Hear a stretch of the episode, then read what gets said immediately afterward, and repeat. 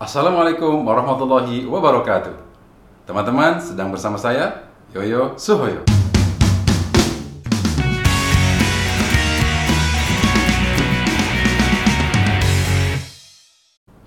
Pada sesi kali ini saya akan menjelaskan tentang programmatic assessment atau assessment terprogram.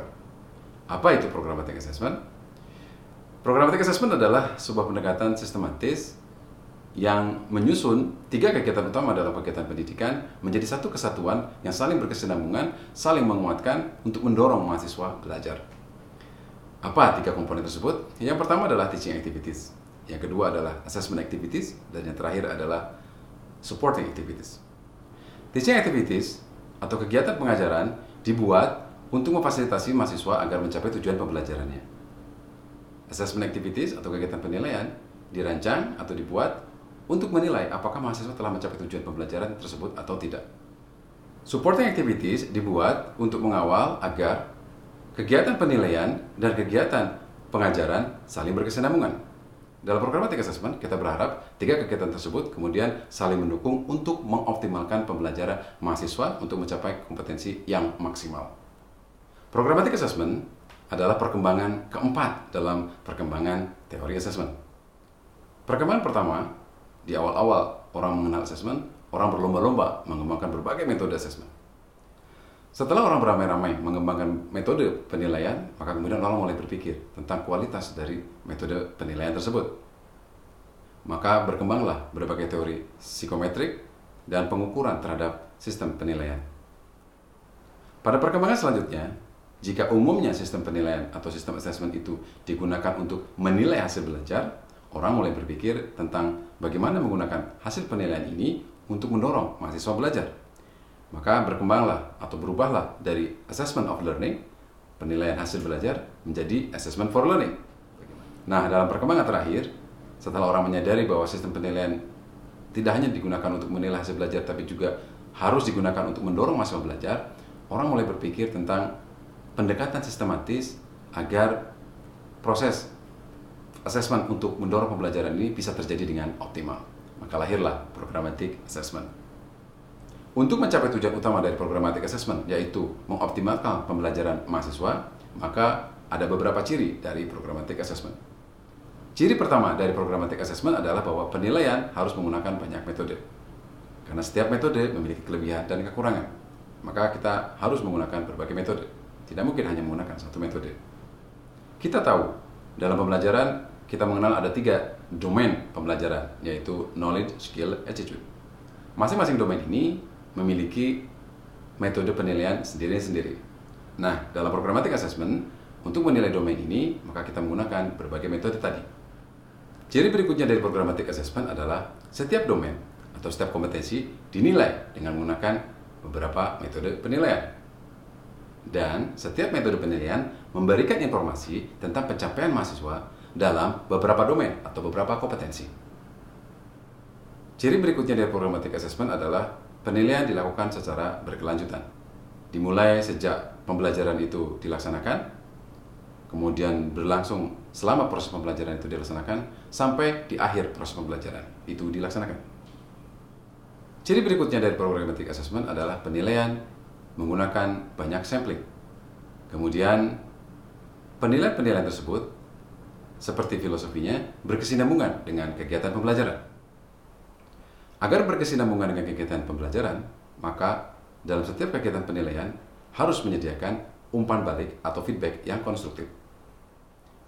Ada tiga informasi yang harus diberikan dalam umpan balik atau feedback selama proses penilaian, yaitu apa yang sudah benar yang telah dilakukan oleh mahasiswa, atau apa yang sudah baik yang telah dicapai oleh mahasiswa, kemudian apa yang harus diperbaiki, atau apa yang masih salah dari mahasiswa, kemudian yang ketiga, apa yang harus dilakukan mahasiswa untuk memperbaiki atau meningkatkan kemampuannya atau untuk menutup kekurangan atau kesalahan yang masih dia lakukan.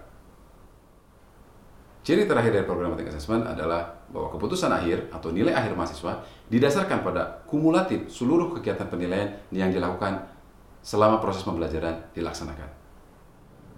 Agar dapat melaksanakan programmatic assessment dengan benar, ada 12 langkah atau 12 tips yang teman-teman bisa laksanakan. Yang pertama, teman-teman harus mengembangkan master plan dari sistem penilaian. atau kita mengenalnya dengan istilah menciptakan blueprint assessment. Setelah membuat blueprint, maka langkah kedua adalah kita membuat regulasi dari pelaksanaan sistem penilaian tersebut agar semua stakeholder atau para pemangku kepentingan dapat melaksanakan sistem penilaian tersebut dengan baik. Langkah ketiga, kita harus mempersiapkan berbagai macam aspek agar programmatic assessment ini dapat dilaksanakan dengan baik. Yang pertama adalah teknologi. Apa yang bisa kita gunakan dan apa yang bisa kita maksimalkan untuk menilai mahasiswa. Yang kedua adalah sumber daya manusia yang harus kita libatkan dalam sistem penilaian ini. Kemudian yang ketiga adalah sarana prasarana. Yang keempat kemudian adalah pengaturan jadwal. Dan yang kelima adalah pembiayaan terhadap pelaksanaan sistem penilaian ini. Langkah keempat dalam pelaksanaan programmatic assessment, setidaknya kita harus melaksanakan dua mekanisme penilaian. Yang pertama adalah intermediate decision making assessment. Dengan intermediate decision making assessment ini diharapkan mahasiswa tidak ketinggalan. Diharapkan mahasiswa sejak dini mengetahui progres dari pembelajarannya. Kemudian dia mendapatkan umpan balik dari penilaian tersebut dan kemudian dia meningkatkan kegiatan pembelajarannya untuk memaksimalkan pencapaian target atau pencapaian kompetensi yang diharapkan. Dan yang kedua adalah final examination atau penilaian di akhir kegiatan pembelajaran. Langkah kelima dalam pelaksanaan programmatic assessment adalah kita mengambil keputusan yang tepat atau keputusan yang dapat dipercaya. Langkah keenam dalam pelaksanaan programmatic assessment adalah kita menyediakan feedback yang konstruktif dari setiap penilaian yang kita lakukan. Feedback tersebut kita berikan kepada mahasiswa tentang apa yang sudah baik, apa yang sudah benar, apa yang masih salah atau masih kurang, dan bagaimana cara mereka memperbaikinya. Langkah ketujuh dari programmatic assessment adalah kita membuat sistem mentoring bagi mahasiswa. Ini masih menjadi bagian dari langkah menyediakan umpan balik atau feedback kepada mahasiswa berdasarkan hasil penilaian yang telah kita lakukan. Misalnya di tingkat akademik, kita bisa melibatkan dosen pembimbing akademik untuk menyampaikan umpan balik hasil penilaian mahasiswa tersebut. Kita bisa meminta dosen pembimbing akademik untuk mendiskusikan kepada mahasiswa tentang apa yang harus mereka lakukan untuk memperbaiki atau meningkatkan kemampuan mereka berdasarkan hasil penilaian yang telah dilakukan. Di tingkat profesi atau di tingkat pendidikan klinik, kita bisa melibatkan dosen pembimbing klinik untuk mendiskusikan dengan mahasiswa progres dari kemampuan kompetensi klinik mereka berdasarkan hasil penilaian di praktek klinik atau di pendidikan klinik yang telah dilakukan. Langkah ke-8 dari programmatic assessment adalah kita memfasilitasi dan mendorong mahasiswa untuk melakukan remediasi jika kemampuannya masih sangat kurang atau belum mencapai kompetensi yang diharapkan. Dengan sendirinya, dalam sistem penilaian, kita harus memiliki sistem remediasi. Langkah ke-9 dari programmatic assessment adalah kita memonitor, kita mengawasi, dan mengevaluasi sistem penilaian atau programmatic assessment yang telah kita lakukan. Terutama, apa dampak sistem penilaian tersebut terhadap pembelajaran mahasiswa. Kita bisa melakukan evaluasi kuantitatif atau kualitatif terhadap dampak dari pelaksanaan sistem penilaian atau programmatic assessment yang telah kita lakukan kepada pembelajaran mahasiswa. Langkah ke-10 dari programmatic assessment adalah kita menggunakan hasil evaluasi yang telah kita lakukan tadi untuk memperbaiki kurikulum. Baik kurikulum di tingkat akademik maupun kurikulum di pendidikan klinik atau pendidikan profesi. Masih terkait dengan hasil evaluasi terhadap pelaksanaan programmatic assessment yang telah kita lakukan, langkah ke-11 dari programmatic assessment adalah kita terus melakukan komunikasi dengan semua pihak, dengan para pemangku kepentingan untuk memperbaiki programmatic assessment atau sistem penilaian yang kita buat berdasarkan hasil evaluasi tersebut. Sebagai langkah terakhir, langkah ke-12 dari programmatic assessment, setelah kita melakukan evaluasi pelaksanaan programmatic assessment, kemudian kita melakukan komunikasi dengan para pemangku kepentingan, kita lalu mengembangkan strategic planning rencana strategis penerapan perbaikan programmatic assessment ke depannya. Pada sesi sebelumnya, saya pernah menjelaskan tentang We Pass with A sebagai sebuah pendekatan dalam merancang sistem penilaian mahasiswa. Nah, jika Bapak Ibu telah mengikuti pelatihan tentang WIPAS with A, baik itu untuk kognitif maupun untuk merancang OSKI, maupun yang setidaknya pernah membaca tentang WIPAS with A, maka Bapak Ibu bisa mengetahui bahwa dengan mengikuti langkah-langkah WIPAS with A, sebenarnya Bapak Ibu sudah memulai melaksanakan programmatic assessment dengan benar.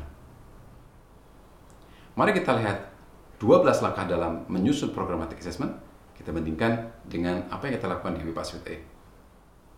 Langkah pertama dan kedua dari programmatic assessment, yaitu menulis blueprint dan menulis regulasi, itu adalah bagian dari W, writing. Langkah ketiga dari programmatic assessment, yaitu mempersiapkan semua aspek untuk mendukung pelaksanaan programmatic assessment, maka itu adalah bagian dari P, preparation atau preparing assessment. Langkah keempat dari programmatic assessment, yaitu pelaksanaan penilaian baik berupa intermediate maupun final examination, adalah bagian dari pelaksanaan ujian atau assessment process, yaitu E. Langkah kelima dari programmatic assessment, yaitu kita membuat keputusan yang dapat dipercaya berdasarkan hasil penilaian, adalah bagian dari S, standar setting. Langkah keenam dan langkah ketujuh dari programmatic assessment, yaitu kita memberikan umpan balik berdasarkan hasil penilaian dan kita menciptakan mentoring system dan dengan melibatkan dosen pembimbing akademik atau dosen pembimbing klinik untuk menyampaikan feedback kepada mahasiswa berdasarkan hasil penilaian, itu adalah bagian dari S, specific feedback dalam WIPAS UTE. Demikian juga langkah ke-8 dari programmatic assessment, yaitu memfasilitasi dan mendorong mahasiswa melakukan perbaikan atau remediasi terhadap hasil penilaiannya yang masih sangat kurang itu ada juga bagian dari S, specific feedback. Langkah ke-9 sampai langkah ke-12 dari programmatic assessment yang merupakan bagian dari penjaminan mutu programmatic assessment merupakan bagian dari with A dalam with pass A yaitu assessing the assessment. Dimulai dengan langkah nomor 9, evaluasi pelaksanaan programmatic assessment, dilanjut dengan langkah 10, menggunakan hasil evaluasi untuk perbaikan kurikulum, Kemudian dilanjut langkah nomor 11, mengkomunikasikan hasil evaluasi dengan seluruh stakeholder atau para pemangku kepentingan untuk memperbaiki pelaksanaan programmatic assessment ke depannya. Lalu ditutup dengan langkah 12, yaitu menyusun strategic planning. Rencana strategis, implementasi programmatic assessment berdasarkan hasil evaluasi dan masukan seluruh stakeholder. Langkah 9 sampai langkah 12 adalah hal-hal yang kami rekomendasikan dalam assessing the assessment. Demikian tadi penjelasan tentang programmatic assessment dan bagaimana kaitannya programmatic assessment dengan We Pass with A. Semoga bermanfaat. Saya Yoyo Sampai jumpa.